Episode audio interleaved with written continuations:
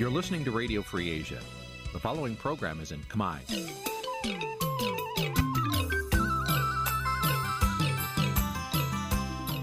នេះជាកម្មវិធីផ្សាយ Vuthu Azizi Serai នេះជាកម្មវិធីផ្សាយរបស់ Vuthu Azizi Serai ជាភាសាខ្មែរ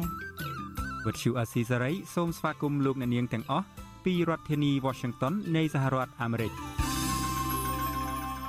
បាទខ្ញុំបាទយ៉ងច័ន្ទដារាសូមជម្រាបសួរលោកអ្នកនាងអ្នកស្ដាប់វិទ្យុអាស៊ីសេរីទាំងអស់ជាទីមេត្រី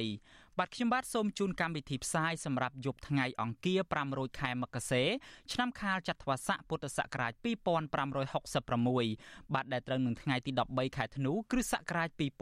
2022បាទជាដំបូងនេះសូមអញ្ជើញអស់លោកអ្នកនាងស្ដាប់ព័ត៌មានប្រចាំថ្ងៃដែលមានមេត្តាដូចតទៅ thank you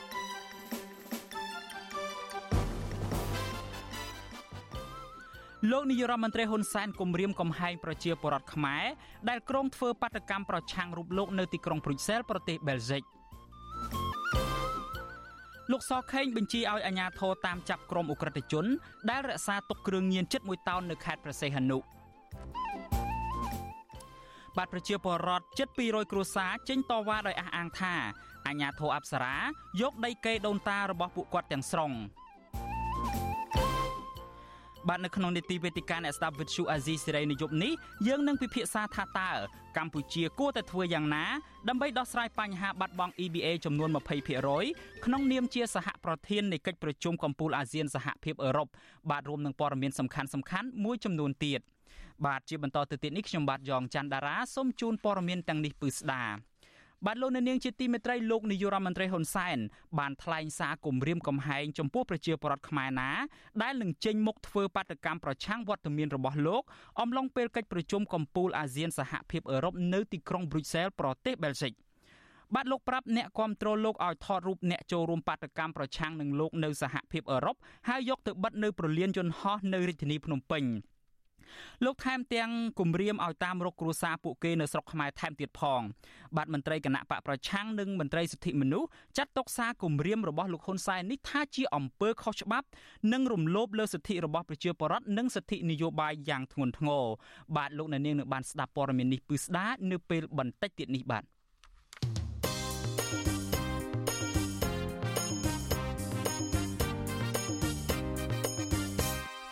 បាទលោកនាងជាទីមេត្រីពាក់ព័ន្ធទៅនឹងវិវាទនៅក្រុមហ៊ុន Casino Naga World ឯនេះវិញ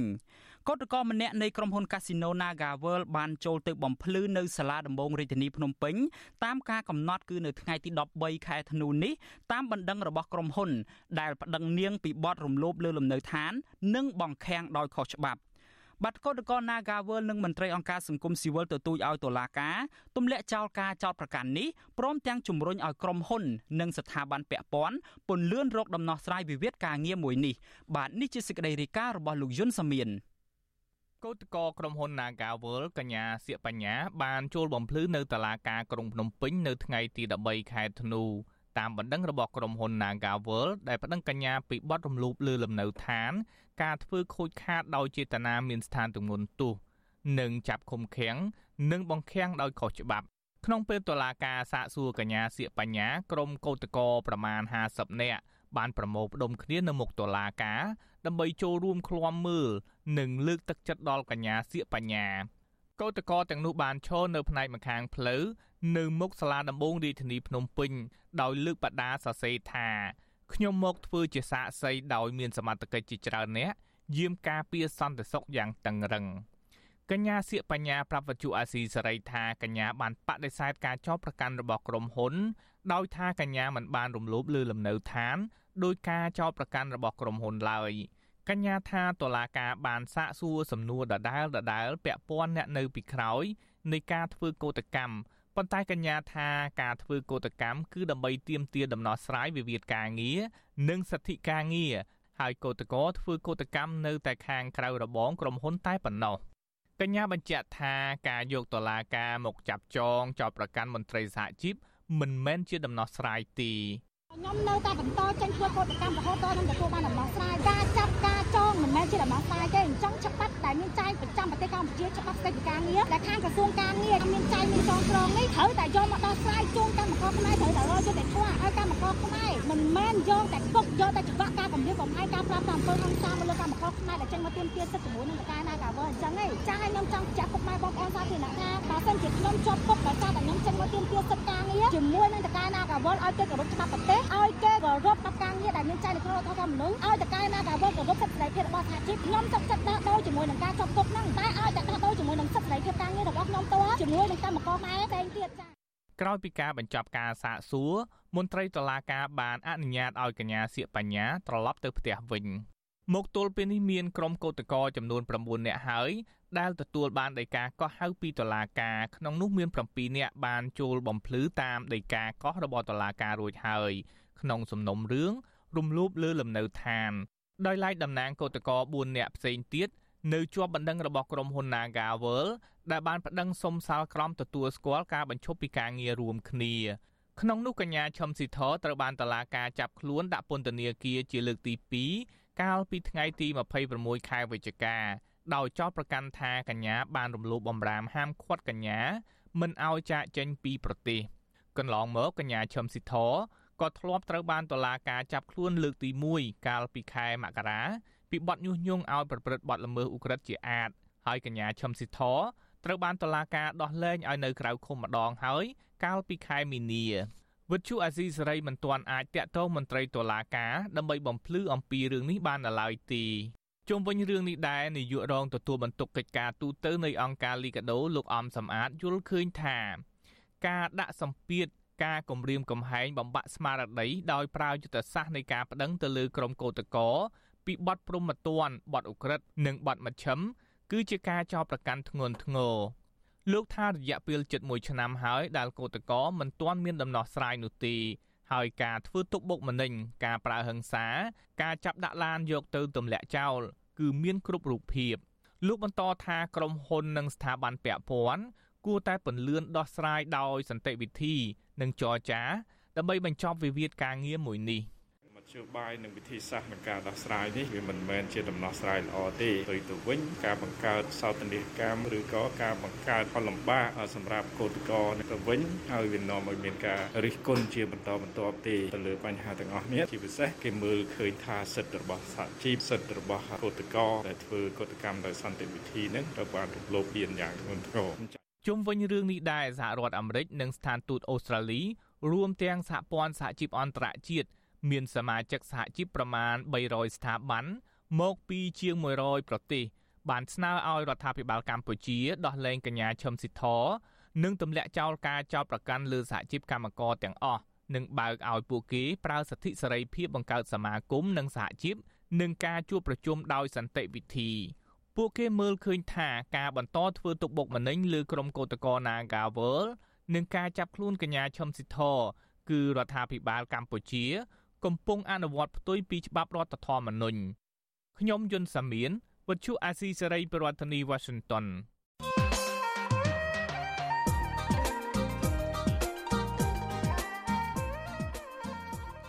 បាទលោកនាងជាទីមេត្រីព្រឹត្តិការណ៍សំខាន់ចុងក្រោយមួយដែលចូលមកបិទទំព័រកម្ពុជាជាប្រធានបដូវវេនអាស៊ាននៅក្នុងឆ្នាំ2022នេះ គឺកិច្ចប្រជុំកំពូលរំលឹកខួបអនុស្សាវរីយ៍អាស៊ានសហភាពអឺរ៉ុបដែលនឹងប្រព្រឹត្តទៅនៅថ្ងៃទី14ខែធ្នូស្អែកនេះនៅទីក្រុងប្រូសែលប្រទេសបែលហ្សិកបាទកិច្ចប្រជុំកំពូលនេះធ្វើឡើងដើម្បីអបអរសាទរខួបលើកទី45ឆ្នាំនៃទំនាក់ទំនងដៃគូសន្តិនិករវាងអាស៊ាននិងសហភាពអឺរ៉ុប បាទស្ថិតនៅក្នុងស្ថានភាពដែលកម្ពុជាបាត់បង់ប្រព័ន្ធអនុគ្រោះពន្ធ EBA ចំនួន20%ពីសហភាពអឺរ៉ុបដោយសារតែបញ្ហារំលាយប្រជាធិបតេយ្យនិងរំលោភសិទ្ធិមនុស្សធ្ងន់ធ្ងរបែបនេះតែកម្ពុជាគួរតែធ្វើយ៉ាងណាដើម្បីដោះស្រាយបញ្ហានេះស្របពេលដែលខ្លួនធ្វើជាសហប្រធានកិច្ចប្រជុំកំពូលមួយនេះ។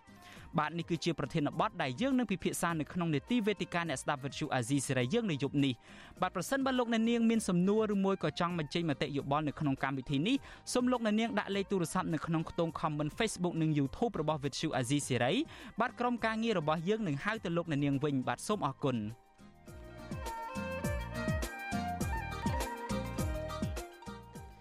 បាទលោកនាងជាទីមេត្រីយើងងាកមកចាប់អារម្មណ៍ទៅនឹងបញ្ហាពាក់ព័ន្ធទៅនឹងរឿងគ្រឿងញៀនឯនេះវិញបាទរដ្ឋមន្ត្រីក្រសួងមហាផ្ទៃលោកសខេងបញ្ជាឲ្យអាជ្ញាធរមានសមត្ថកិច្ចតាមចាប់ក្រុមអ ுக ្រិតជនដែលរក្សាទុកគ្រឿងញៀនជិត1តោននៅខេត្តព្រះសីហនុ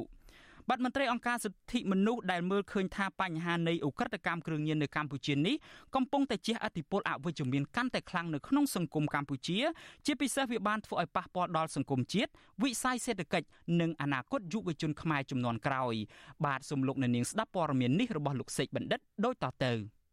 លោកសខេងបញ្ជាឲ្យកងកម្លាំងអាជ្ញាធរជំនាញបន្តស្រាវជ្រាវតាមចាប់ក្រុមអ ுக ្រិតជនគ្រឿងញៀន ក្រោយពីសមត្ថកិច្ចបានរកឃើញឃ្លាំងរបស់ពួកគេដែលមានផ្ទុកគ្រឿងញៀនប្រភេទកេតាមីនជិត1តោន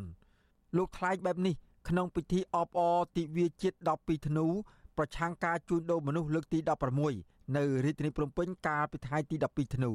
បើសិនយើងគ្រាន់តែប្រមូលគ្រឿងញៀន8ឡូគីឡូក្រាមនេះបានមក តែយើងមិនបានចាប់អក្រិតជនមេខ្លោងឬក៏អ្នកជួញដូរគ្រឿងញៀននោះមកដន្ទាទោសវាហាក់ដូចជាបេសកកម្មរបស់យើងមិនទាន់ចប់ទេហើយក៏មិនជោគជ័យដែរកាលពីរសៀលថ្ងៃទី11ខែធ្នូសមត្ថកិច្ចចម្រុះខេត្តប្រសេនុបានចុះឆែកឆេរឃ្លាំងជួលមួយកន្លែងស្ថិតនៅភូមិ2សង្កាត់លេខ1ក្រុងប្រសេនុបានរកឃើញគ្រឿងញៀនជិត1តោន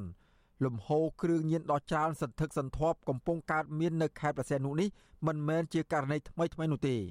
កាលពីថ្ងៃទី16សីហាកន្លងទៅ សមត្ថកិច្ចខេត្តប្រសេនុក៏បានបង្ក្រាបអ ுக ្រិតជនជនជាតិចិន ចំនួន5នាក់និងរឹបអូសបានថ្នាំញៀនកេតាមីនជិត1តោនដែរខណៈពួកគេរៀបចំបំរុងដឹកជញ្ជូនតាមផ្លូវទឹកឆ្លងដែនចាក់ចេញពីកម្ពុជា ទៅកាន់ប្រទេសផ្សេងទៀតដោយឡែកកាលពីខែកក្កដាកន្លងទៅ កម្លាំងសមត្ថកិច្ចចម្រុះខេត្តប្រសេនុបង្ក្រាបបានក្រុមអ ுக ្រិតជនគ្រឿងញៀនជនជាតិចិនចំនួន7នាក់ដែរក្រោយពួកគេបាននាំចូលសារធាតុគីមីផ្សំ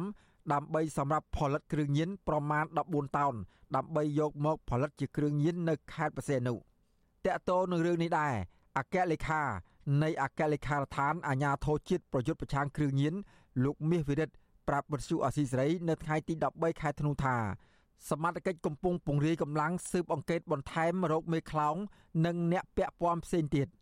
លោកបញ្ជាក់ថាមកទល់នឹងពេលនេះសមត្ថកិច្ចមិនទាន់មានធាតុផ្សំបទល្មើសគ្រប់គ្រាន់ដើម្បីអនុវត្តនីតិវិធីលើជនសង្ស័យមួយចំនួននៅឡើយ។ យើងមានព័ត៌មានយើងមានអីប៉ុន្តែឯកទៅលើការស៊ើបអង្កេតធំរបស់សមត្ថកិច្ចវាមិនទាន់មានតម្រុយច្បាស់លាស់ក្នុងការដាក់បន្ទុកវាការអនុវត្តច្បាប់មិនទាន់មានជាសំឲ្យបានច្បាស់លាស់កំណត់អំពីទួនាទីភារកិច្ចដើម្បីវែកមុខឲ្យឃើញគ្រប់ទម្រង់នៃកម្មភាពល្មើសដែលបង្កនិងប្រព្រឹត្តបទល្មើសនោះក្រុមអក្រិតជនដែលមានអង្គការចាត់តាំងនឹងមានល្បិចកិច្ចកលខ្ពស់គាត់បានប្រើប្រាស់គ្រប់នយោបាយក្នុងការពង្វក់និងអស់ទាញអ្នកស្លូតត្រង់ផ្សេងទៀតឲ្យធ្វើកម្មភាពជំនួសគាត់ឬក៏ធ្វើជារបាំងនៅពីមុខសកម្មភាពរបស់គាត់បាទសំខាន់បំផុតយើងត្រូវទីមួយរកប្រភពវាមកពីណាចំណងតាក់ទងទៅអ្វីខ្លះក្រោយពីធ្វើការវិភាគគេហៅចំណងតាក់ទងរវាងឆ្នាំញៀននិងឆ្នាំញៀនតើវាស្ថិតនៅក្នុងក្រមណាវិទ្យុអសីស្រីនៅពុំទាន់អាចសុំការបញ្ជាក់បន្ថែមពីអគ្គស្នងការរងនគរបាលជាតិទទួលផែនប្រយុទ្ធប្រឆាំងគ្រឿងញៀនលោកម៉ាក់ជីតូដើម្បីអត្ថាធិប្បាយជុំវិញរឿងនេះបាននៅឡើយទេ នៅថ្ងៃទី13ខែធ្នូ កន្លងទៅរដ្ឋមន្ត្រីក្រសួងមហាផ្ទៃលោកសខេងធ្លាប់បានបញ្ជាដល់កងកម្លាំងអាជ្ញាធរឲ្យស៊ើបអង្កេតដល់មន្ត្រីស្ថាប័នក្រសួងពាក់ព័ន្ធដែលបានអនុញ្ញាតឲ្យវិនិយោគិនជនជាតិចិនចំនួន5នាក់អាចនាំចូលសារធាតុគីមីផ្សំកែច្នៃជាគ្រឿងញៀនជាង100តោនចូលមកកម្ពុជាដោយស្របច្បាប់ ទោះបីជាពេលនេះលោកសខេងមិនបាននិយាយចំឈ្មោះស្ថាប័នក្រសួងណាមួយក្តីក៏លោកទំនងចង់សម្ដៅទៅកាន់ក្រសួងកសិកម្មដែលចុះបញ្ជីផ្ដល់សិទ្ធិឲ្យអ្នកជួញដូរទាំងនោះនាំចូលសារធាតុគីមីដើម្បីប្រើប្រាស់ក្នុងវិស័យកសិកម្មជុំវិញរឿងនេះនាយកទទួលបន្ទុកកិច្ចការទូតនៃអង្គការលីកាដូលោកអំសំអាតព្រួយបារម្ភថាបើលំហូរគ្រឿងញៀនបន្តកើតមានច្រើននៅកម្ពុជាដោយសពថ្ងៃនេះ នោះវានឹងធ្វើឲ្យសង្គមជាតិទាំងមូលកាន់តែអនាធបត័យប៉ះពាល់ដល់សេដ្ឋកិច្ចជាតិជាពិសេសយុវជនខ្មែរចំនួនក្រោយលោកស្នើដល់អាជ្ញាធរត្រូវតែចាត់វិធានការឲ្យបានតឹងរឹងចំពោះជនល្មើសណា ដែលជាប់ពាក់ព័ន្ធនឹងគ្រឿងញៀនទោះបីជាពួកគេ មានឋានៈបនស័កឬមានអំណាចធំយ៉ាងណាក្តី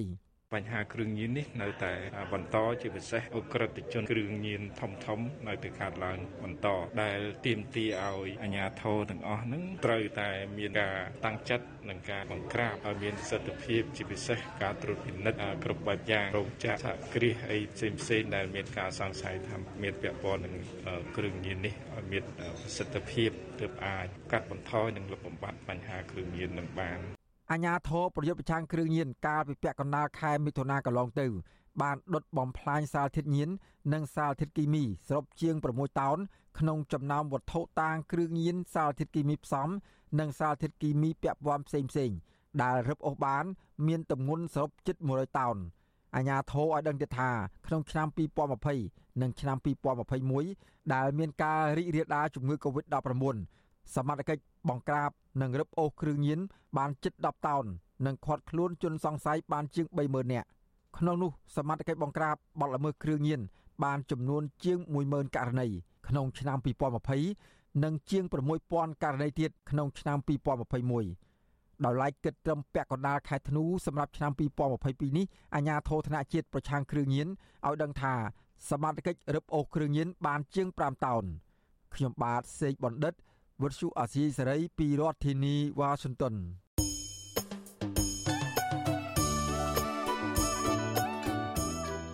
បាទលោកនាងជាទីមេត្រីដំណើរគ្នានឹងស្ដាប់ការផ្សាយរបស់ Vuthu Azizi Serai នៅតាមបណ្ដាញសង្គម Facebook និង YouTube លោកនាងក៏អាចស្ដាប់ការផ្សាយរបស់យើងតាមរយៈរលកធាតុអាកាសខ្លីឬមួយក៏ Shortwave បានដែរគឺតាមកម្រិតនិងកម្ពស់ដូចតទៅនេះ បាទពេលព្រឹកចាប់ពីម៉ោង5កន្លះដល់ម៉ោង6កន្លះតាមរយៈប៉ុស SW 9.39 MHz ស្មើនឹងកម្ពស់ 32m និងប៉ុស SW 11.85 MHz ស្មើនឹងកម្ពស់ 25m ពេលយប់ចាប់ពីម៉ោង7កន្លះដល់ម៉ោង8កន្លះតាមរយៈប៉ុស SW 9.39 MHz ស្មើនឹងកម្ពស់ 32m ប៉ុស SW 11.88 MHz ស្មើនឹងកម្ពស់ 25m និងប៉ុស SW 15.15 MHz ស្មើនឹងកម្ពស់ 20m បាទសូមអរគុណបាទលោកនាងជាទីមេត្រីយើងងាកមកចាប់អារម្មណ៍បញ្ហាពាក់ព័ន្ធទៅនឹងរឿងដីធ្លីនៅឯខេត្តសៀមរាបឯនេះវិញ ប្រជាពលរដ្ឋជិត100នាក់រស់នៅខេត្តសៀមរាបនៅថ្ងៃទី13ខែធ្នូនេះបានបន្តលើកគ្នាតវ៉ា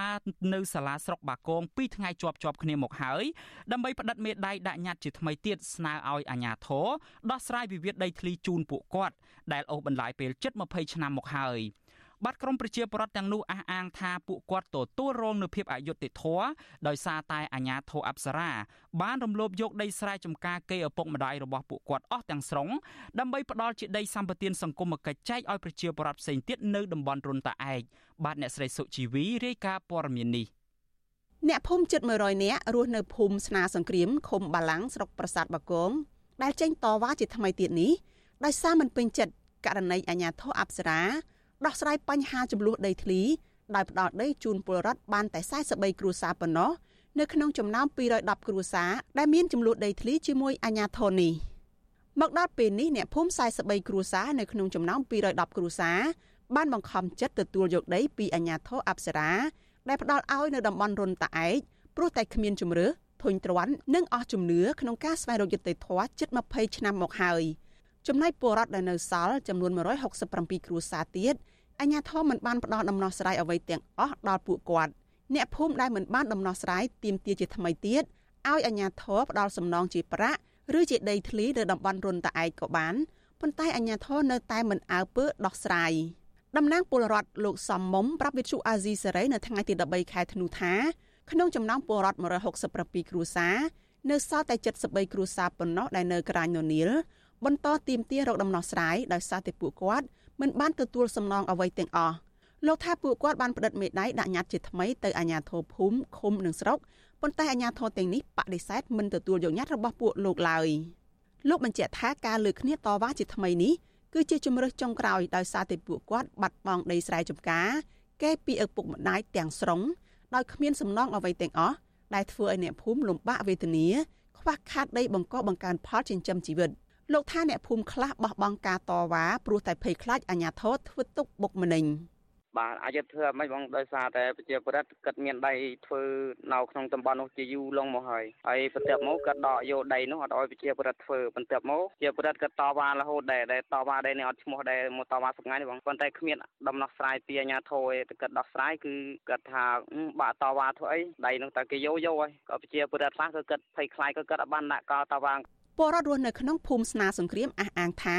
ពួកគាត់មានដីធ្លីដែលជាគេឪពុកម្ដាយនៅក្នុងតំបន់រុនតាឯកដែលត្រូវអាជ្ញាធររំអូសយកនិងបញ្ចូលទៅក្នុងដីគម្រោងអភិវឌ្ឍរបស់អាជ្ញាធរដើម្បីចែកដីសម្បត្តិទៅឲ្យពលរដ្ឋដែលរស់នៅក្នុងតំបន់អង្គរដោយមិនស្របច្បាប់ដីស្រែគេដូនតារបស់ពួកគាត់មានទំហំចន្លោះពី1ហិកតាទៅដល់ជាង10ហិកតាដែលសរុបរួមទាំងអស់160ហិកតាត្រូវអាជ្ញាធរអប្សរាហុំព័ទ្ធហាមមិនឲ្យធ្វើស្រែតាំងពីឆ្នាំ2005មក តំណាងពលរដ្ឋលោកសំមុំបន្ថែមថាថ្មីថ្មីនេះអាជ្ញាធរអប្សរាបានដោះស្រាយវិវាទដីធ្លីនេះជូនអ្នកភូមិស្នាសង្គ្រាមចំនួន43គ្រួសារនៅក្នុងចំណោម210គ្រួសារដោយចែកដីឡូនៅតំបន់រុនតាឯកក្នុងមួយគ្រួសារបានដីឡូស្មើស្មើគ្នា ទំហំ20ម៉ែត្រគុណនឹង30ម៉ែត្រពលរដ្ឋរស់នៅភូមិស្នាសង្គ្រាមមួយរូបទៀតលោកស្រីហ៊ុនវុនឲ្យដឹងថាគ្រួសារលោកស្រីមានដី3ហិកតា ដែលអាស្រ័យផលជាច្រើនចំនួនមកហើយគឺតាំងពីមុនឆ្នាំ1979បែរជាត្រូវអាជ្ញាធរអប្សរាហាមឃាត់មិនឲ្យដាំដុះបង្កបង្កើនផលជិត20ឆ្នាំមកហើយលោកស្រីបន្ថែមថាជំហររបស់អ្នកភូមិចង់ឲ្យអាជ្ញាធរផ្ដល់សំណងសមរម្យឬដោះដូរដីនៅកន្លែងណាមួយដើម្បីឲ្យពួកគាត់មានលទ្ធភាពធ្វើស្រែចម្ការចិញ្ចឹមជីវិត សម្ដេចអោហ៊ុនសែនឲ្យជួយដោះស្រាយកូនចៅឲ្យគ្រប់ទាំងអស់ទាំងដៃពីហាត់នោះប្រលេសង្អាយនេះកូនក៏ច្រើនក៏ច្រើនចង់ឲ្យគាត់ដោះស្រាយឲ្យលឿនបំផុតព្រោះពូពូខ្ញុំនេះត្រូវការដៃធ្វើដែលប្រកបអាជីវកម្មរុស្ស៊ីដែលពូខ្ញុំដល់សុំដៃគេធ្វើវិទ្យុអាស៊ីសេរីនៅមិនទាន់អាចតាក់ទងសុំការបំភ្លឺរឿងនេះពីអភិបាលស្រុកប្រាសាទបាគងលោកសូផ្លាតុងនិងអភិបាលខេត្តសៀមរាបលោកទាសីហាបាននៅឡើយទេ នៅថ្ងៃទី13ខែធ្នូដោយទូរស័ព្ទហៅចូលតែគ្មានអ្នកលើក ចំណែកអ្នកនាំពាក្យអាជ្ញាធរអប្សរាលោកឡុងកុសលក៏វិទ្យុអាស៊ីសេរីមិនអាចសុំការអធិប្បាយបានដែរនៅថ្ងៃដដែលនេះប៉ុន្តែលោកធ្លាប់ប្រាប់វិទ្យុអាស៊ីសេរីថាករណីពលរដ្ឋទាំងនេះគឺជារឿងថ្មីមួយដែលទើបតែបង្កើតឡើងប៉ុណ្ណោះដោយសារតែពេលនេះតំបន់រុនតាឯកមានការរៀបចំអភិវឌ្ឍល្អប្រសើរលោកបញ្ជាក់យ៉ាងខ្លីថាអាជ្ញាធរពុំមានដំណោះស្រាយនៅក្នុងករណីនេះជូនពលរដ្ឋឡើយ ជារឿងមួយតែទៅតែបង្កើតថ្មីវាកើតឡើងដោយសារតែមានការរៀបចំអភិវឌ្ឍទីកន្លែងហ្នឹងឲ្យមានការរស់នៅឲ្យបានល្អប្រសើរហ្នឹងចាប់បានចាំបានចាប់ផ្ដើមមានអារឿងអញ្ចឹងបើអត់ពីមុនមកអត់មានរឿងហ្នឹងកើតទេមិនដែលមានរឿងហ្នឹងទេយើងមិនមានដំណោះស្រាយឲ្យជូនទេបាទជុំវិញរឿងនេះមន្ត្រីសម្របសម្រួលគម្រោងធុរកិច្ចនិងសិទ្ធិមនុស្សនៃមជ្ឈមណ្ឌលសិទ្ធិមនុស្សកម្ពុជាលោកវ៉ាន់សុផាតយល់ថារដ្ឋាភិបាលគួរតែយកចិត្តទុកដាក់ដោះស្រាយចំនួនដីធ្លីជូនពលរដ្ឋ ដែលផ្ដល់ដំណោះស្រាយសមរម្យមិនគួរអូសបន្លាយពេលបង្កទុកលំបាកដល់សេដ្ឋកិច្ចរបស់ពួកគាត់បែបនេះឡើយដល់ស្ថាប័នពាក់ព័ន្ធនេះចេះរៀបសារបានមកគឺទៅគិតគូរពីជីវភាពរបស់ជីវរដ្ឋជាជាងដែលដោយឲ្យអាជ្ញាធរឬមួយក្រុមហ៊ុនយកដីពួកគាត់អស់អញ្ចឹងអត់កើតទេថ្ងៃក្រោយទៅយើងនឹងខ្លាយទៅជាទីយ៉ាងម៉េចបើអស់ជីវរដ្ឋជីវរដ្ឋអត់មានដីអត់មានផ្ទះសម្បែងនៅអញ្ចឹងអានឹងនឹងខ្លាយទៅជាយ៉ាងម៉េចថ្ងៃក្រោយណាបាទគួរតែប្រមាលមើលហើយនឹងគិតគូរសារឡើងវិញបាទ អ្នកភូមិថាក្រោយពីពួកគាត់ខកខានធ្វើស្រែចម្ការនៅលើដីនៅតំបន់រុនតាឯជាង17ឆ្នាំកន្លងមកដីស្រែនៅតំបន់នោះដែលមានទំហំសរុប160ហិកតា មានព្រៃរិចរិលនិងដើមឈើធំធំស្ទើរក្លាយជាព្រៃរបោះហើយមានផ្លែខ្លះទៀតត្រូវអាជ្ញាធរយកគ្រឿងចាក់ទៅឈូសឆាយរដ្ឋាភិបាលកំពុងឈូសឆាយកសាងហេដ្ឋារចនាសម្ព័ន្ធលើផ្ទៃដីជាង1200ហិកតាដើម្បីអភិវឌ្ឍតំបន់រុនតាឯកជាដីសម្បត្តិសង្គមគិច្ច សម្រាប់ចែកជូនពលរដ្ឋដែលកំពុងរស់នៅមិនស្របច្បាប់ក្នុងតំបន់រមណីយដ្ឋានអង្គរតកតោះនឹងគម្រោងអភិវឌ្ឍនេះមានប្រជាពលរដ្ឋជាច្រើនគ្រួសាររងផលប៉ះពាល់កំពុងកើតទុកមិនសុខចិត្តចំពោះយន្តការដោះស្រាយផលប៉ះពាល់ដីស្រែចម្ការរបស់អាជ្ញាធរអប្សរាដោយពួកគេលើកឡើងថាអយុត្តិធម៌និងខ្វះដំណាភាពតែទោះជាយ៉ាងណាអ្នកភូមិខ្លះបានបង្ខំចិត្តទទួលយកគោលនយោបាយសំណងជាការដោះដូរដីដោយសារតែខ្លាចអាជ្ញាធរដកហូតដីរបស់ពួកគាត់ទៅទទេទទេ ដោយគ្មានផ្ដាល់សំណងអ្វីទាំងអស់កន្លងទៅលោកនាយរដ្ឋមន្ត្រីហ៊ុនសែនអះអាងថាក្រោយពីចែកដីឡូនៅតំបន់ភូមិធម្មជាតិរុនតាឯកទៅឲ្យប្រជាពលរដ្ឋដែលផ្លាស់ទីលំនៅចេញពីតំបន់រមណីយដ្ឋានអង្គររត់នៅសល់ដីឡូជាង200កន្លែងផ្សេងទៀតនៅទំនេរ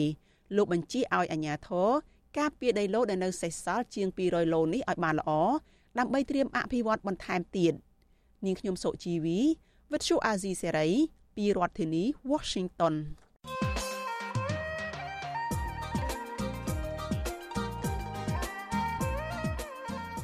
បបាទលោកនាងជាទីមេត្រីព្រឹត្តិការណ៍សំខាន់ចុងក្រោយមួយដែលចូលមកបិទទំព័រកម្ពុជាជាប្រធានបដូវវេនអាស៊ាននៅក្នុងឆ្នាំ2022នេះគឺកិច្ចប្រជុំកំពូលរំលឹកខួបអនុស្សាវរីយ៍អាស៊ានសហភាពអឺរ៉ុបដែលនឹងប្រព្រឹត្តទៅនៅថ្ងៃទី14ខែធ្នូស្អែកនេះនៅទីក្រុងប្រ៊ុយសែលប្រទេសបែលហ្សិកបាទកិច្ចប្រជុំកំពូលនេះធ្វើឡើងដើម្បីអបអរសាទរខួបលើកទី45នៃទំនាក់ទំនងនៃដៃគូសន្តិនិកអាស៊ាននិងសហភាពអឺរ៉ុប។ បាទស្ថិតនៅក្នុងស្ថានភាពដែលកម្ពុជាបាត់បង់ប្រព័ន្ធអនុគ្រោះពន្ធ EBA ចំនួន20%ពីសហភាពអឺរ៉ុបដោយសារតែបញ្ហារំលាយប្រជាធិបតេយ្យនិងរំលោភសិទ្ធិមនុស្សធ្ងន់ធ្ងរបែបនេះតើកម្ពុជាគួរតែធ្វើយ៉ាងណាដើម្បីដោះស្រាយបញ្ហានេះស្របពេលដែលខ្លួនធ្វើជាសហប្រធាននៃកិច្ចប្រជុំកំពូលមួយនេះ។ បាទនេះគឺជាប្រធានបទដែលយើងនឹងជជែកនៅក្នុងវេទិកាអ្នកស្ដាប់វិទ្យុអាស៊ីសេរីនៅយប់នេះបាទប្រសិនបើលោកអ្នកនាងមានសំណួរឬមួយក៏ចង់ចូលរួមបញ្ចេញមតិយោបល់សូមលោកអ្នកនាងដាក់លេខទូរស័ព្ទរបស់លោកអ្នកនាងនៅក្នុងខ្ទង់ comment Facebook និង YouTube របស់វិទ្យុអាស៊ីសេរីបាទក្រុមការងាររបស់យើងនឹងហៅទៅលោកអ្នកនាងវិញបាទសូមអរគុណ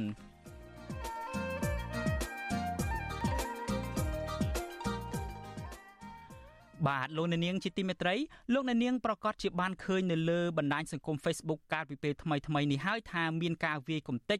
កុដមួយចំនួននៅក្នុងវត្តអូណាឡោមដែលត្រូវបានចុះបញ្ជីជាសម្បត្តិបេតិកភណ្ឌបាទអ្នកស្រាវជ្រាវប្រវត្តិសាស្ត្រនិងប្រជាពលរដ្ឋទាមទារឲ្យរដ្ឋាភិបាលចាត់វិធានការទៅលើករណីវាយគំទេចកុដបុរាណចំនួន3ខ្នងនៅវត្តអូណាឡោមនេះព្រោះនេះគឺជាការបំផ្លិចបំផ្លាញនិងលុបដានសំណង់ចាស់បុរាណបាទពួកគាត់ថាក្រសួងវប្បធម៌គួរតែពង្រឹងការងារអភិរក្សនិងអនុលោមទៅតាមសារាចរការពារសំណង់បុរាណឲ្យបានម៉ឺងម៉ាត់ជាជាងគ្រាន់តែចេញលិខិត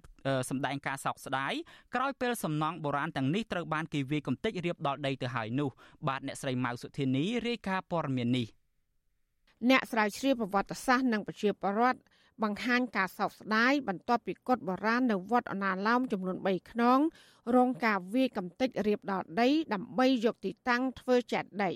ពួកគាត់ស្នើឲ្យស្ថាប័នពាក់ព័ន្ធទទួលខុសត្រូវលើករណីនេះនិស្សិតខាងជំនាញស្ថាបត្យកម្មនៅរាជធានីភ្នំពេញកញ្ញាកែវមរកតប្រពន្ធស៊ីស្រីនៅថ្ងៃទី13ខែធ្នូថាការវាយកំទេចកុដបារានទាំង3ខ្នងនេះនឹងធ្វើឲ្យសំណង់បារាននៅរាជធានីភ្នំពេញមានចំនួនកាន់តែតិចទៅតិចទៅ កញ្ញាលើកឡើងថាសំណង់បារានទាំងនេះគឺជាមូលដ្ឋានគ្រឹះសម្រាប់ការសិក្សាស្វែងយល់របស់សិស្សនិស្សិតនិងជាកន្លែងផ្ទុកទៅដោយអ្នកចេះដឹងដែលតម្រូវឲ្យមានការថែរក្សានិងអភិរក្សកញ្ញាយល់ឃើញថាការវាយកំទេចកុដយកទីធ្លាទៅសង់ចេតិយគឺជារឿងមិនសមទំនងហាក់ដូចជាគណៈគ្រប់គ្រងវត្តឲ្យតម្លៃនិងយកចិត្តទុកដាក់ទៅលើអ្នកស្លាប់ជាជាងអ្នកនៅរស់ហើយអ្វីដែលធ្វើខ្ញុំកាន់តែហួសចិត្តទៀតហ្នឹងគឺ ការកំទេចសំណង់អាគារតត3ហើយយើងបែរជាសាងសង់ជំនួសវិញដោយចែកដីអញ្ចឹងបានថាកំទេចសំណង់ដែលមនុស្សអាចរស់នៅប្រើប្រាស់បានតែបែរជាមកសាងសង់សំណង់មួយសម្រាប់ដាក់ខ្មោចទៅវិញកត់ទាំង3ខ្នងដែលរងការវាយកំទេចរួមមានកត់លេខ43 44និង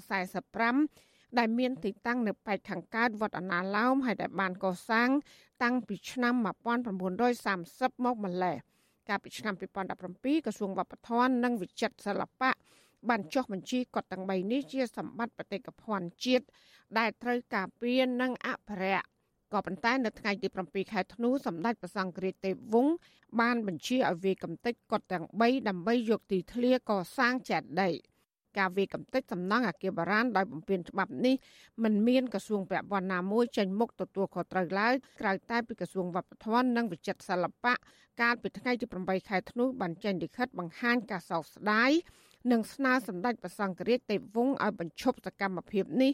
ដោយអះអាងថាការរុះរើនិងវាយកំទេចកត់ទាំង3ពុំបានសិក្សាពីគ្រោះយោបល់និងគ្មានការអនុញ្ញាតពីក្រសួងវប្បធម៌នោះឡើយ ប៉ុន្តែមកដល់ថ្ងៃទី13ខែធ្នូកត់ទាំង3នេះត្រូវបានគេវាយកំទេចរៀបដល់ដីទៅហើយ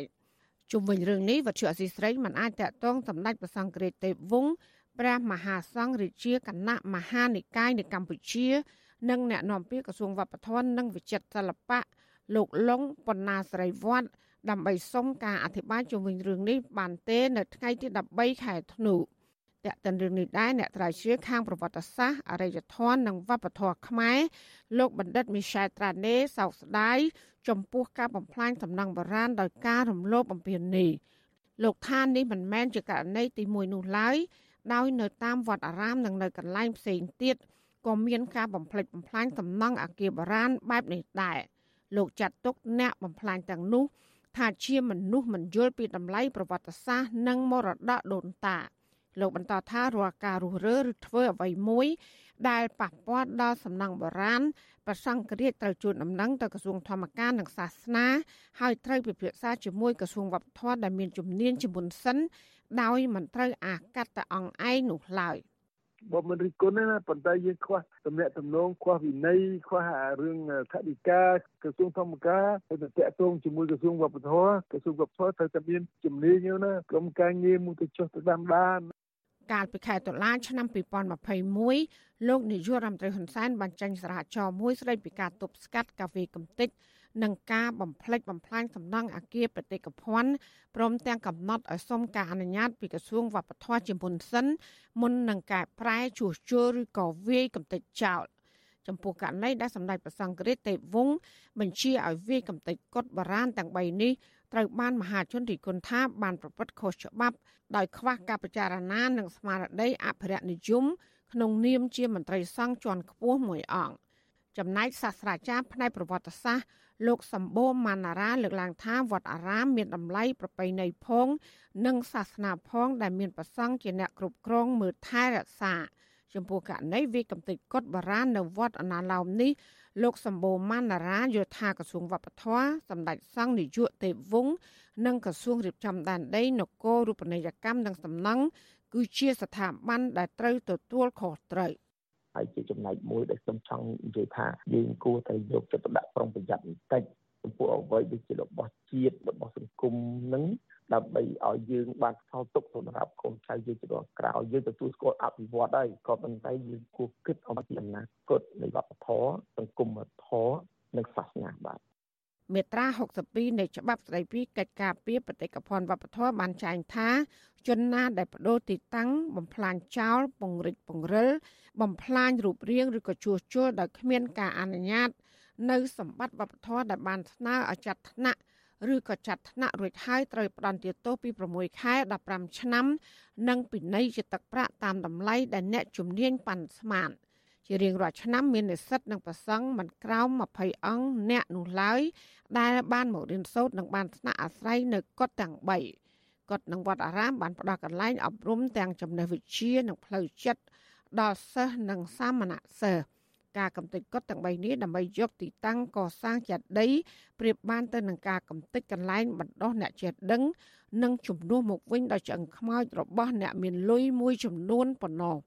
ជាមួយគ្នានេះការបណ្ដេតបណ្ដោយឲ្យមានការបំផ្លិចបំផ្លាញសំណង់អគារបុរាណ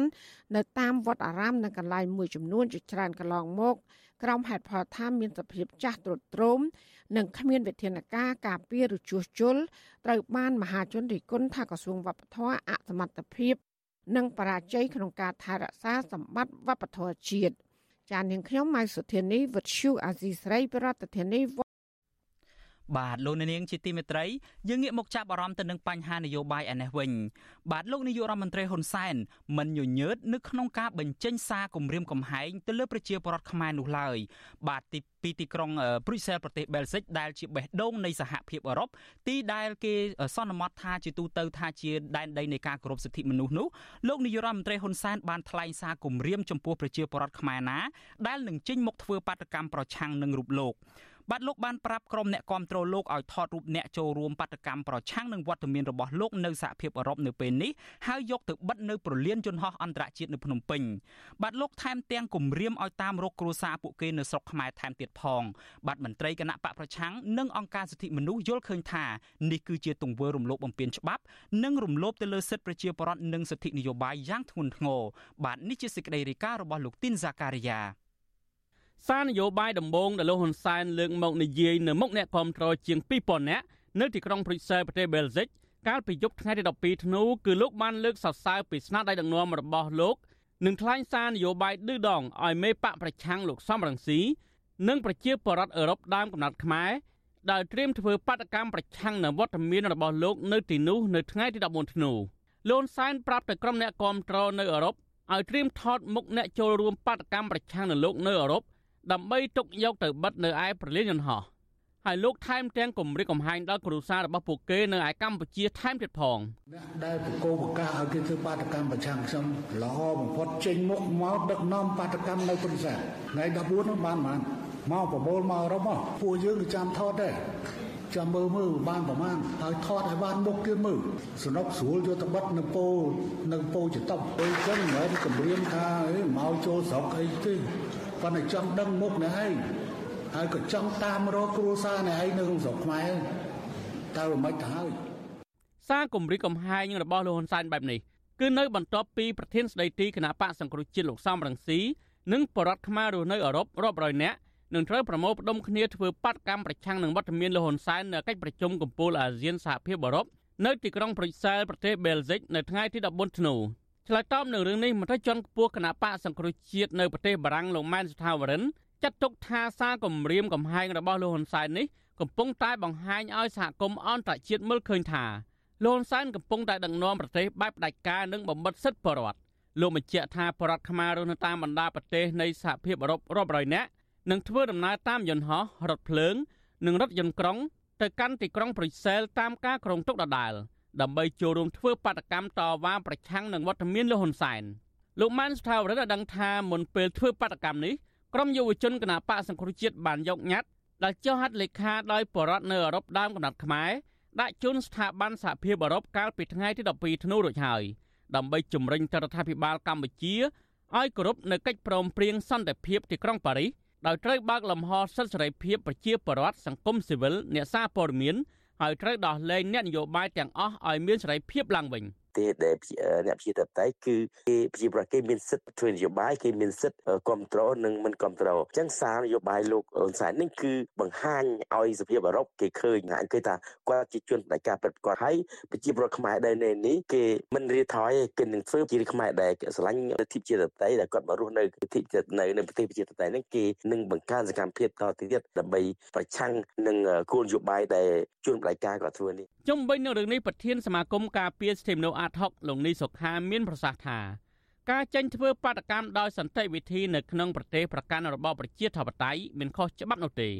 លោកយល់ថាសារគម្រាមកំហែងដល់ក្រុមគ្រួសារនៅក្នុងស្រុកដើម្បីដាក់សម្ពាធលើអ្នកតវ៉ានៅក្រៅប្រទេសគឺជាការបង្ហាញរូបភាពកាន់តែអាក្រក់ដល់សង្គមនិងធ្វើឲ្យប៉ះពាល់ដល់គោលការណ៍ប្រជាធិបតេយ្យថែមទៀតផង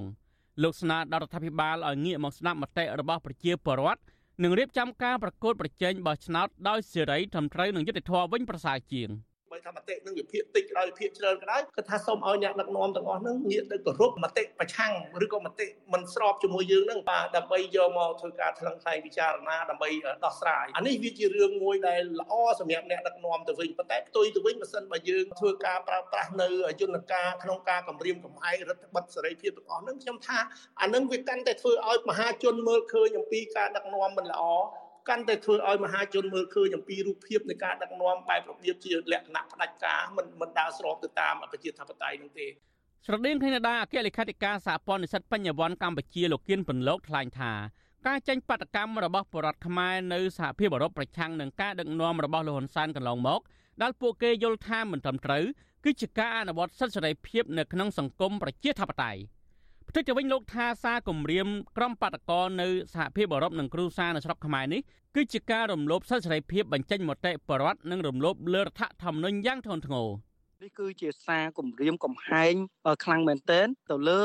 ពលរដ្ឋដែលកំពុងតែរស់នៅលើប្រទេសប្រជាធិបតេយ្យហើយនឹងទៅលើបងប្អូនរបស់ពលរដ្ឋទាំងអស់នោះដែលនៅក្នុងប្រទេសកម្ពុជា វាជាការរំលោភទៅលើសិទ្ធិសេរីភាពនៃការបញ្ចេញមតិរំលោភទៅលើសិទ្ធិសេរីភាពនៃការធ្វើកោតកម្មដោយអហិង្សាដែលមានចែងនៅក្នុងច្បាប់រដ្ឋធម្មនុញ្ញនៃប្រទេសកម្ពុជាសារនេះទោះបីជាបាទគាត់ផ្ញើពីសហភាពអឺរ៉ុបមកក៏ដោយក៏ប៉ុន្តែវាប៉ះពាល់ខ្លាំងមែនទែនចំពោះច្បាប់រដ្ឋធម្មនុញ្ញញនៃប្រទេសកម្ពុជាហ្នឹងទី1ទី2គឺប៉ះពាល់ទៅលើលទ្ធិប្រជាធិបតេយ្យមាត្រា2នៃច្បាប់ស្តីពីបាតកម្មដោយសន្តិវិធីចែងថាច្បាប់នេះមានគោលបំណងធានាការពារសេរីភាពខាងបញ្ចេញមតិរបស់ប្រជាពលរដ្ឋខ្មែរតាមរយៈការធ្វើបាតកម្មដោយសន្តិវិធីមាត្រា4នៃច្បាប់ស្តីពីបាតកម្មដោយសន្តិវិធីដដាលនេះចែងថាបាតកម្មដោយសន្តិវិធីសំដៅលើការប្រមូលផ្ដុំគ្នាឬការដង្ហែក្បួនដោយមនុស្សមួយក្រុម ដើម្បីទាមទារតវ៉ាសម្ដែងជាសាធារណៈនៅមโนសញ្ចេតនាគំនិតឬឆន្ទៈរបស់ខ្លួនតាមរូបភាពឬមធ្យោបាយផ្សេងផ្សេងដោយសន្តិវិធីចំណែកសេចក្តីប្រកាសជាសកលស្តីពីសិទ្ធិមនុស្សវិញមាត្រា27ចែងដែរថាមនុស្សគ្រប់រូបមានសិទ្ធិចូលរួមដោយសេរីក្នុងជីវភាពវប្បធម៌របស់ខ្លួនដោយឡែកមាត្រា35នៃរដ្ឋធម្មនុញ្ញកំណត់ថា ប្រជាប្រដ្ឋខ្មែរទាំងពីរភេទមានសិទ្ធិចូលរួមយ៉ាងសកម្មក្នុងជីវភាពនយោបាយសេដ្ឋកិច្ចសង្គមគិច្ចនិងវប្បធម៌ហើយសេចក្តីស្នើទាំងឡាយរបស់ប្រជាពលរដ្ឋត្រូវទទួលការពិនិត្យនិងដោះស្រាយដោយអង្គការរដ្ឋផ្ទុយទៅវិញក្រុមអ្នកការពារសិទ្ធិមនុស្សលើកឡើងថាសារគម្រាមរបស់លោកហ៊ុនសែនដែលថាតាមថតរូបអ្នកទៅបាតកម្មប្រឆាំងនឹងលោកនិងថែមទាំងប្រមានមិនអោយចូលស្រុកទៀតនេះគឺជារឿងផ្ទុយពីរដ្ឋធម្មនុញ្ញនិងគោលការណ៍សិទ្ធិមនុស្សជាសកល ពួកគេលើកឡើងថាលោកហ៊ុនសែនកំពុងតែដឹកនាំប្រទេសបែបផ្ដាច់ការនិងបិទសិទ្ធិសេរីភាពបញ្ចេញមតិសិទ្ធិប្រមូលផ្ដុំសិទ្ធិអង្គការសង្គមស៊ីវិលនិងសិទ្ធិសារព័ត៌មានជាដើមក្រុមអ្នកការពារសិទ្ធិមនុស្សបានហៅសន្តិភាពក្រោមការដឹកនាំរបស់លោកហ៊ុនសែនគឺជាសន្តិភាពคล้ายៗនិងសន្តិភាពសម្រាប់តែក្រុមបកពួករបស់លោកតែប៉ុណ្ណោះពួកគេលើកឡើងថាលោកហ៊ុនសែនកំពុងតែទាញយកកម្ពុជាជាកម្មសិទ្ធិផ្ដាច់មុខរបស់ក្រុមគ្រួសារត្រកូលហ៊ុនរបស់លោកខ្ញុំទីនសាការីយ៉ាអសិសរីប្រធានី វ៉ាស៊ីនតោនបាទលោកនាងជាទីមេត្រីលោកនាងទើបតែបានស្ដាប់នឹងទស្សនាព័ត៌មានប្រចាំថ្ងៃដែលជម្រាបជូនដោយខ្ញុំបាទយ៉ងច័ន្ទដារាបាទជាបន្តទៅទៀតនេះសូមអញ្ជើញលោកនាងស្ដាប់នឹងទស្សនាវេទិកាអ្នកស្ដាប់វិទ្យុអាស៊ីសេរីដែលនឹងជជែកតាក់ទងទៅនឹងប្រធានបទតើកម្ពុជាគួរតែធ្វើយ៉ាងណាដើម្បីដោះស្រាយបញ្ហាបាត់បង់ EBA ចំនួន20%ក្នុងនាមជាសហប្រធានកិច្ចប្រជុំកំពូលអាស៊ានសហភាពអឺរ៉ុបបាទកម្មវិធីនេះសម្របសម្រួលដោយលោកមានរិទ្ធបាទសូមអរគុណ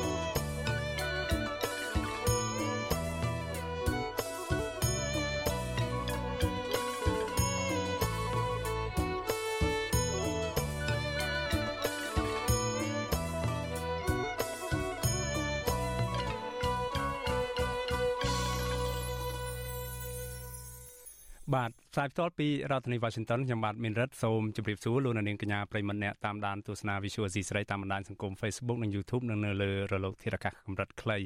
បាទនេះគឺជានេតិវេទិកាអ្នកស្ដាប់ Visual Asia សេរី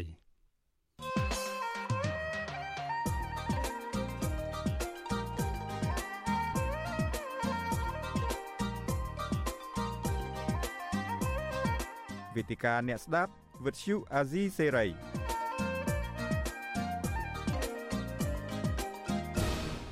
បាទលោកនាងកញ្ញាជាទីមេត្រីនៅក្នុងនេតិវេទិកាអ្នកស្ដាប់ Visual C សេរីនារាត្រីនេះយើងនឹងផ្ដោតលើប្រធានបទសំខាន់មួយជំវិញព្រឹត្តិការណ៍ដែលកម្ពុជា កំពុងរៀបចំធ្វើជាក្នុងនាមជាប្រធានបដូវវេនអាស៊ានកំពុងរៀបចំធ្វើជាសហប្រធាននៃកិច្ចប្រជុំកំពូល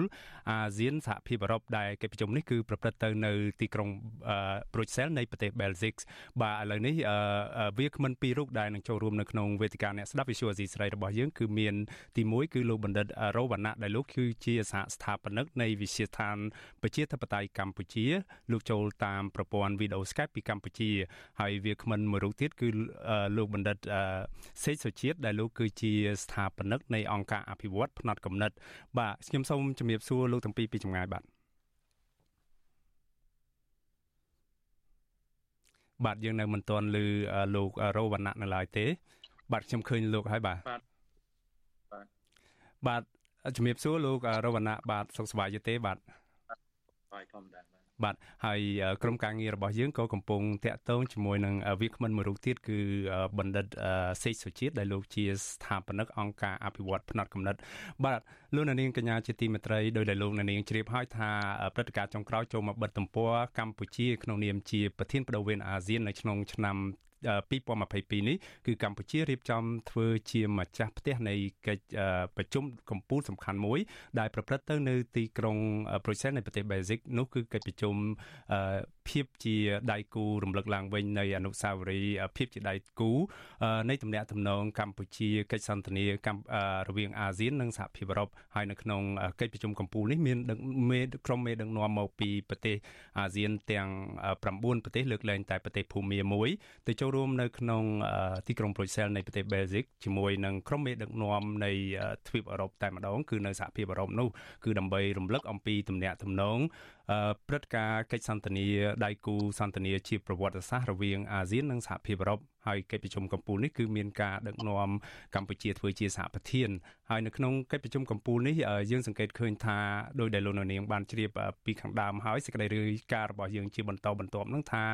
មានក្រុមអ្នកគ្រប់គ្រងលោកនាយករដ្ឋមន្ត្រីហ៊ុនសែននឹងទៅចូលរួមគ្រប់គ្រងវត្តមានរបស់លោកនាយករដ្ឋមន្ត្រីហ៊ុនសែនដែលលោកអញ្ជើញទៅទីក្រុងប្រូសែលនេះក្នុងនាមជាប្រធានបដូវវេនអាស៊ានសម្រាប់ខាងភៀកគីកម្ពុជាហើយទន្ទឹមនឹងនោះក៏មានការគ្រោងធ្វើបាតកម្មដែលបាតកម្មនោះដឹកនាំដោយប្រធានស្ដីទីគណៈបកសង្គ្រោះជាតិគឺលោកសំរាស៊ីនិងក្រុមអ្នកគ្រប់គ្រងលោកនៅឯនឹងគណៈបកប្រឆាំងនៅឯក្រៅប្រទេសគឺនៅតំបន់ទ្វីបអឺរ៉ុបនោះដែលក្រុងនឹងប្រព្រឹត្តទៅនៅ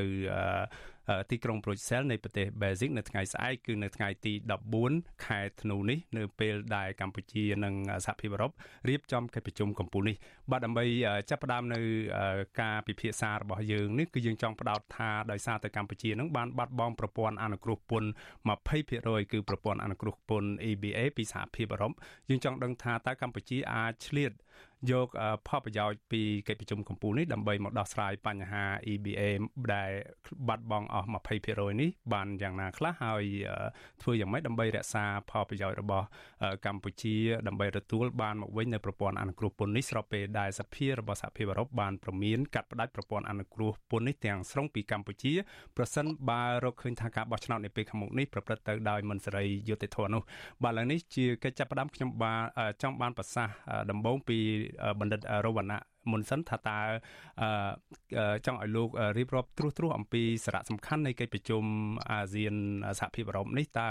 មានព្រឹត្តិការណ៍អីហេតុអីបានជាសហភាពអឺរ៉ុបចាំបាច់រៀបចំកិច្ចប្រជុំរំលឹកខួបអនុស្សាវរីយ៍លើកទី45នេះបាទបាទសូមអរគុណលោកមានរិទ្ធហើយសូមគ្រប់ជំរាបសួរបងប្អូនជួមរំជាតិ អ្នកស្ដាប់ជុអាស៊ីសេរីទាំងអស់ជាទីនឹករលឹកជាទីគ្រប់រាប់អានបាទសូមរំលឹកថាជំនួបកម្ពុជារវាងលោក Sha Michael ជាមួយនឹងនាយករដ្ឋមន្ត្រីរបស់កម្ពុជាហើយជាសហប្រធាននៃជំនួបកម្ពុជាអាស៊ាន EU នេះបាទសហភាពអឺរ៉ុបនេះគឺធ្វើឡើងនៅទីក្រុងប្រ៊ុចសែលគឺក្នុងគោលដៅទី1គឺដើម្បីរំលឹកពីភាពជាដៃគូយុទ្ធសាស្ត្ររបស់ លោកបណ្ឌិតរវណ្ណៈខ្ញុំលែងឮសំឡេងលោកបណ្ឌិតហើយបាទបាទបាទបាទសូមជឿគឺគាត់ឆ្លោះបញ្ចាំងពីគេហៅថាដៃគូយុទ្ធសាស្ត្រដែលអាស៊ានជាមួយនឹង EU បានធ្វើឡើងនៅក្នុងឆ្នាំ2020ហើយយើងដឹងថា EU បានបង្កើតពេលសកម្មការទូតនិងតែងតាំងឯកអគ្គរដ្ឋទូតរបស់ខ្លួនប្រចាំអាស៊ានក្នុងឆ្នាំ2015 ហើយនៅក្នុងជំនួបថ្នាក់រដ្ឋមន្ត្រីការបរទេសរវាងសហភាពអឺរ៉ុបជាមួយនឹងអាស៊ាននៅក្នុងខែធ្នូឆ្នាំ2020ហ្នឹងក៏បានលើកកម្ពស់ពីភាពជាដៃគូសន្តិនិករបស់អាស៊ាន EU ទៅដល់កម្រិតដៃគូយុទ្ធសាស្ត្រនៅក្នុងឆ្នាំ2020នឹងឯងហើយយើងដឹងថាក្នុងឆ្នាំ2021នេះគឺសហភាពអឺរ៉ុបចាត់ទុក អាស៊ានថាជាមជ្ឈត្តភាពជាចំណុចកណ្ដាលឬជាចំណុចស្នូលនៃយុទ្ធសាស្ត្រសហប្រតិបត្តិការ Indo-Pacific ដែលយុទ្ធសាស្ត្រនេះគឺជាការបដិញ្ញាចិត្តរបស់សហភាពអឺរ៉ុបនៅក្នុងការលើកកម្ពស់សន្តិភាពបាទសន្តិសុខវិបលភាពអធិអភិវឌ្ឍបាទប្រកបដោយចីរភាព នៅក្នុងតំបន់ដោយការអភិវឌ្ឍ កបដោយជាភាពក្នុងតំបន់នឹងត្រូវតែអនុលោមទៅតាមគុណតម្លៃស្នូលរបស់សហភាពអឺរ៉ុបគឺប្រជាធិបតេយ្យនីតិរដ្ឋសិទ្ធិមនុស្សនិងការគោរពច្បាប់អន្តរជាតិហើយយើងដឹងថាសមាគមប្រជាជាតិអាស៊ីអាគ្នេយ៍នឹងអាចក្លាយជាមហាអំណាចសេដ្ឋកិច្ចទី5របស់ពិភពលោកនៅក្នុងពេលអនាគតបាទហើយត្រូវបានគេព្យាករថានឹងអាចក្លាយទៅជាបាទមហាអំណាច សេដ្ឋកិច្ចទី4នេះរបស់ពិភពលោកក្នុងឆ្នាំ2050ដោយសារតែកំណើនការឡើងលឿនស្លេវរបស់បណ្ដាប្រទេសនៅក្នុងតំបន់អាស៊ីអាគ្នេយ៍នឹងជាមួយគ្នានេះគឺតំបន់អាស៊ីអាគ្នេយ៍នឹងបានคลายទៅជាបាទទីតាំងឬទីលាននៃការប្រកួតប្រជែងយុទ្ធសាស្ត្រនៅក្នុងចំណោមមហាអំណាចរបស់អាស៊ីអញ្ចឹងយើងឃើញថាចំនួនកម្ពុជារបស់អាស៊ានជាមួយសហភាពអឺរ៉ុបនេះគឺការឆ្លុះបញ្ចាំងនៅព្រឹត្តិការណ៍ ផ្ដោតសំខាន់ទៅលើព្រឹត្តិការណ៍សារៈសំខាន់ទៅលើវិជ្ជកម្មសេដ្ឋកិច្ចនិងភូមិសាស្ត្រសេដ្ឋកិច្ចនិងភូមិសាស្ត្រនយោបាយផងដែរបាទបាទ បាទអរគុណបណ្ឌិតរវណ្ណៈដែលបានបកស្រាយត្រួសត្រាសជំវិញសារៈសំខាន់នៃកិច្ចប្រជុំកំពូលអាស៊ានសហភាពអឺរ៉ុបលើកទី45នេះដើម្បីរំលឹកខួបនៃទំនាក់ទំនងកិច្ចសន្ទនាដៃគូសិចដៃគូកិច្ចសន្ទនានេះបាទឥឡូវខ្ញុំចង់ដឹងបន្ថែមថាលោកបណ្ឌិតអំបញ្ញមិញបានបញ្ជាក់អំពីសារៈសំខាន់នោះគឺផ្ដោតទៅលើទំនាក់ទំនងផ្នែកពាណិជ្ជកម្មទំនាក់ទំនងផ្នែកសន្តិសុខនិងកិច្ចសហប្រតិបត្តិការលើវិស័យមួយចំនួនតទៅទៀតបាទទន្ទឹមនឹងនេះតំបន់អាស៊ាននេះត្រូវសហភាពអឺរ៉ុបមើលឃើញថាជាតំបន់មួយជាមជ្ឈភាពមួយនៃយុទ្ធសាស្ត្រ Indo-Pacific របស់ខ្លួនដោយដែលលោកបណ្ឌិតបានលើកឡើងខ្ញុំចង់ដឹងបន្ថែមថាទំនាក់ទំនងពាណិជ្ជកម្មវិញយើងពិនិត្យឃើញថាតើសហភាពអឺរ៉ុបយកចិត្តទុកដាក់ប៉ុណ្ណាទៅទៅចំពោះការធ្វើពាណិជ្ជកម្មឬជំនួញអីជាមួយប្រទេសនៅក្នុងតំបន់អាស៊ានជារួមហើយជាមួយកម្ពុជាជាក់លាក់នោះបាទ បាទអរគុណសម្រាប់សំណួរបាទដ៏មានសារៈសំខាន់យើងដឹងហើយថាសហភាពអឺរ៉ុបព្យាយាមបាទបង្កើតគេហៅថា free trade agreement បាទ free trade agreement បាទកិច្ចព្រមព្រៀងពាណិជ្ជកម្មសេរីជាមួយនឹងអាស៊ានតែអត់ទាន់ចេញជាផ្លែផ្កាទេដោយសារតែភាពខុសគ្នានៃរចនាសម្ព័ន្ធនៃបណ្ដាប្រទេសមួយចំនួននៅក្នុងតំបន់អាស៊ីអាគ្នេយ៍ហើយនិងភាពខុសគ្នានៃរចនាសម្ព័ន្ធនៅក្នុង តំបន់របស់អឺរ៉ុបបានគឺយើងដឹងហើយរចនាសម្ព័ន្ធគ្រប់គ្រងរដ្ឋនៅក្នុងតំបន់អាស៊ីអាគ្នេយ៍ភាគច្រើនគឺมันអនុលោមទៅតាមប្រជាធិបតេយ្យជាស្នូលទេបាទយើងដឹងថាបណ្ដាប្រទេសទាំង10នៅក្នុងអាស៊ីអាគ្នេយ៍ហ្នឹងភាគច្រើនមិនទាន់ស្ថិតក្នុងប្រទេសដែលជាចាត់ទុកថាជាប្រទេសជាតៃពេញលេញទេ liberal democracy ទេយើងស្ថិតតែនៅក្នុងប្រទេសដែលមានជាតៃបែបបោះឆ្នោតបាទយើងហៅថា electoral democracy អញ្ចឹងជាតៃបែបបោះឆ្នោតនោះមិនទាន់មានលក្ខខណ្ឌគ្រប់គ្រាន់ អាហ្នឹងជាចំណុចមួយតទៅនឹងគុណតម្លៃនៃភាពខុសគ្នានឹងទី2យើងដឹងហើយថាសហភាពអឺរ៉ុបចាត់ទុកសម្លឹងមើលដៃគូទ្វេភាគីជាមួយនឹងបណ្ដាប្រទេសមួយចំនួន ដែលមានសមានចិត្តឬក៏ដែលមានទស្សនៈស្តៀងគ្នាទៅនឹងផលប្រយោជន៍ទៅវិញទៅមកសំដៅទៅលើ បាទភូមិសាស្ត្រសេដ្ឋកិច្ចនិងភូមិសាស្ត្រនយោបាយ ផងដែរអញ្ចឹងក្នុងន័យគឺយើងដឹងហើយថាអឺសហភាពអឺរ៉ុបអឺមើលឃើញថាសង្ហបុរីបាទព្រោះយើងដឹងក្នុងឆ្នាំ2009គឺសហភាពអឺរ៉ុបបានចុះកិច្ចព្រមព្រៀងពាណិជ្ជកម្មសេរីជាមួយនឹងសង្ហបុរីជាមួយនឹងវៀតណាមហើយព្យាយាមចុះសិទ្ធិចុះកិច្ចព្រមព្រៀងសេរីជាមួយនឹង ថៃជាមួយនឹងហ្វីលីពីននិងម៉ាឡេស៊ីប៉ុន្តែអត់ទាន់សម្រេចបានឡើយទេអញ្ចឹងយើងមើលជារួម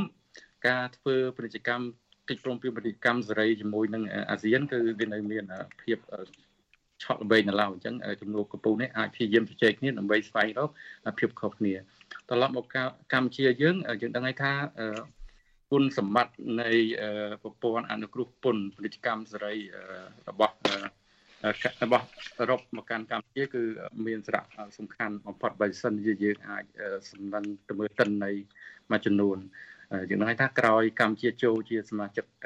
អង្គការពាណិជ្ជកម្មពិភពលោកការបើកទ្វារសេដ្ឋកិច្ចរបស់កម្ពុជាទៅកាន់ពិភពលោកហ្នឹងគឺមានលក្ខណៈទូលំទូលាយជាងមុនហើយការផ្ដល់ប្រព័ន្ធអនុគ្រោះពន្ធដែលជាស្នូលនៅយុទ្ធសាស្ត្រ សេដ្ឋកិច្ចរបស់អឺរ៉ុបដើម្បីជួយបណ្ដាប្រទេសដែលជួបនឹងការលំបាកលើភាពក្រីក្រហ្នឹងដើម្បីលើកកម្ពស់ជីវភាពរបស់ពលរដ្ឋហ្នឹងគឺតាមរយៈការផ្ដល់ប្រព័ន្ធអនុគ្រោះពន្ធហើយកម្ពុជាយើងគឺជាប្រទេសមួយក្នុងចំណោមប្រទេសដទៃទៀតដែលទទួលបានផលពីប្រព័ន្ធអនុគ្រោះពន្ធបាទខ្ញុំអាចអាចទិន្នន័យតិចតួចតទៅនឹងនៅឆ្នាំ2021ហ្នឹងគឺពាណិជ្ជកម្មសរុប ទៅលើថ្លៃទំនិញរវាងប្រទេសទាំងពីរគឺសំដៅទៅលើប្រទេសកម្ពុជាជាមួយនឹងសហគមន៍អឺរ៉ុបហ្នឹងគឺបូកចូលគ្នាហ្នឹងគឺប្រហែលជា4.45ពាន់លានអឺរ៉ូបាទតែក្នុងនោះកម្ពុជានឹងនាំចេញបាទផលិតផលទៅកាន់ទីផ្សារអឺរ៉ុបទៅកាន់ EU នឹងមានទឹកប្រាក់រហូតដល់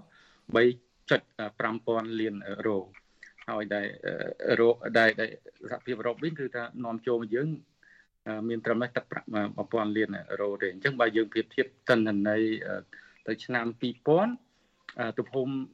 ទឹកប្រាក់នៃការវិនិយោគរបស់សំទោសនៃការនាំចេញនាំចូលរបស់ប្រទេសទាំងពីរគឺ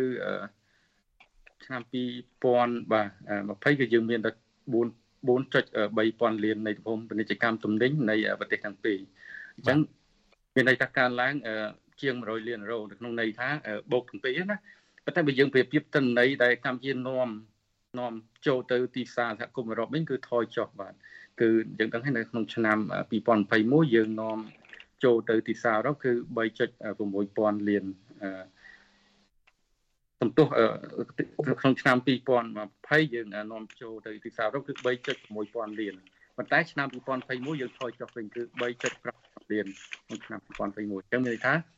ទំនិញដែលយើងនាំចូលទៅទីផ្សារអឺរ៉ុបគឺថយចុះមួយទៀតគឺទៅសហភាពអឺរ៉ុបជាប់ចំណាត់ថ្នាក់ជាដៃគូពាណិជ្ជកម្មធំជាងគេទី5របស់ប្រទេសកម្ពុជា ដែលមានចំនួនរហូតដល់9%នៃពាណិជ្ជកម្មសរុបរបស់ប្រទេសកម្ពុជាបើយើងប្រៀបធៀបទៅចិនគឺចិនច្រើនជាងបាទចិនមានដល់23%ជាងសហរដ្ឋអាមេរិកមាន15%មួយទៀតគឺទំនិញឧស្សាហកម្មនិងកសិកម្មគឺជា ទំនិញនាំចេញសំខាន់ជាងគេពីររបស់កម្ពុជាយើងទៅទីផ្សារអឺរ៉ុបហើយដែលក្នុងនោះនៅក្នុងឆ្នាំ2021ហ្នឹង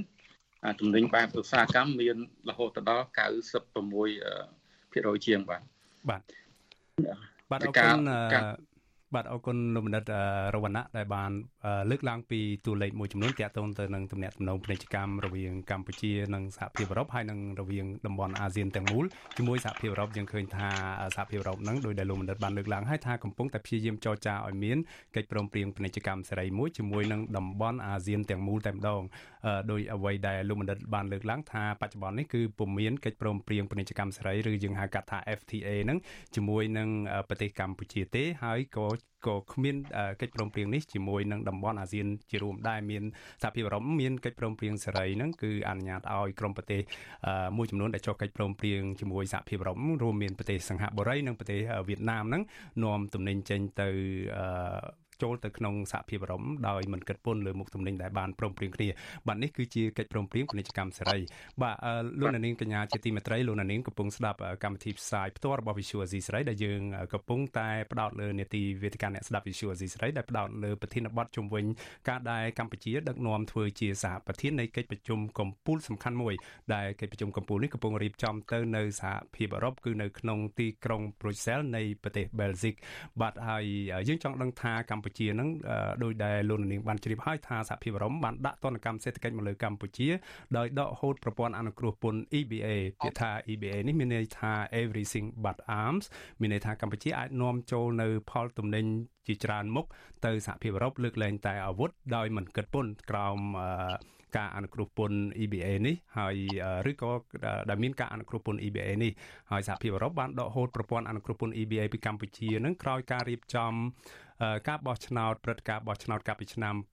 2018នឹងដែលរងការរិះគន់ថាជាការបោះឆ្នោតបង្ក្រប់កិច្ចហើយក្រោយពីកម្ពុជានឹងបានរំលាយគណៈបកប្រឆាំងធំជាងគេមួយនៅកម្ពុជាដែលមានសម្លេងអ្នកគ្រប់គ្រងនឹងប្រដំប្រសងជាមួយនឹងគណៈបកកណ្ដាលអំណាចគឺគណៈបកសង្គ្រោះជាតិនោះបាទដូច្នេះហើយសហភាពអឺរ៉ុបបានចាប់ផ្ដើមអនុវត្តការ ដកពន្ធ20%ពីកម្ពុជានេះចាប់តាំងពីដើមខែពាក់កណ្ដាលខែសីហាឆ្នាំ2020រហូតមកដល់ពេលបច្ចុប្បន្ននេះគឺមានរយៈពេលជាង2ឆ្នាំហើយយើងចង់ដឹងថាក្នុងនាមកម្ពុជាជាប្រធានបដូវវេនអាស៊ានហើយរៀបចំកិច្ចជាសហប្រធាននៃកិច្ចប្រជុំកំពូលអាស៊ានសហភាពអឺរ៉ុបនេះតើកម្ពុជាអាចទាញយកប្រយោជន៍ឬក៏ស្វែងរកដំណោះស្រាយណាមួយជាលក្ខណៈទ្វេភាគីជាមួយនឹងក្រុមមេដឹកនាំអឺរ៉ុបដើម្បីធ្វើយ៉ាងណាទទួលបានប្រព័ន្ធអនុគ្រោះពន្ធ EBA ទាំងស្រុងមកវិញជាជាងបន្តបាត់បង់នោះ នេះគឺជាប្រធានបទដែលយើងកំពុងជជែកគ្នានៅពេលនេះហើយស្របពេលនេះដែរខ្ញុំសូមជម្រាបលាលោកនាងដែលកំពុងស្ដាប់កម្មវិធីផ្សាយផ្ទាល់របស់ Visual Asia សេរីនៅលើបណ្ដាញនៅលើរលកធាតុអាកាសកម្រិតខ្លីគឺ Shortwave សម្រាប់លោកនាងដែលកំពុងតាមដានស្ដាប់ការផ្សាយផ្ទាល់គឺលោកនាងនឹងមិនលឺការផ្សាយរបស់យើងខ្ញុំទៀតទេចាប់ពីម៉ោង8កន្លះនេះតទៅដូច្នេះហើយសូមអញ្ជើញលោកនាងបន្តនៅជាមួយយើងខ្ញុំដោយបើកចូលតាមអ៊ីនធឺណិតគឺប្រើប្រាស់ប្រព័ន្ធបណ្ដាញសង្គម Facebook និង YouTube ហើយយើងនឹងបន្តពិភាក្សាលើប្រធានបទនេះក្នុងរយៈពេលកន្លះម៉ោងទៀតរហូតដល់ម៉ោង9បាទលោកនាងជាទីមេត្រីវាគ្មិនមួយរូបរបស់យើងនោះដែល Visual ស៊ីសេរីបានព្យាយាមអញ្ជើញនឹងគឺលោកបណ្ឌិតសេចសុជាតិដែលលោកជាស្ថាបនិកអង្គការអភិវឌ្ឍផ្នែកកំណត់ក៏ប៉ុន្តែយើងនៅតែមិនអាចតាក់ទងលោកបានហើយឥឡូវនេះយើងមានវាគ្មិនមួយរូបទៀតគឺ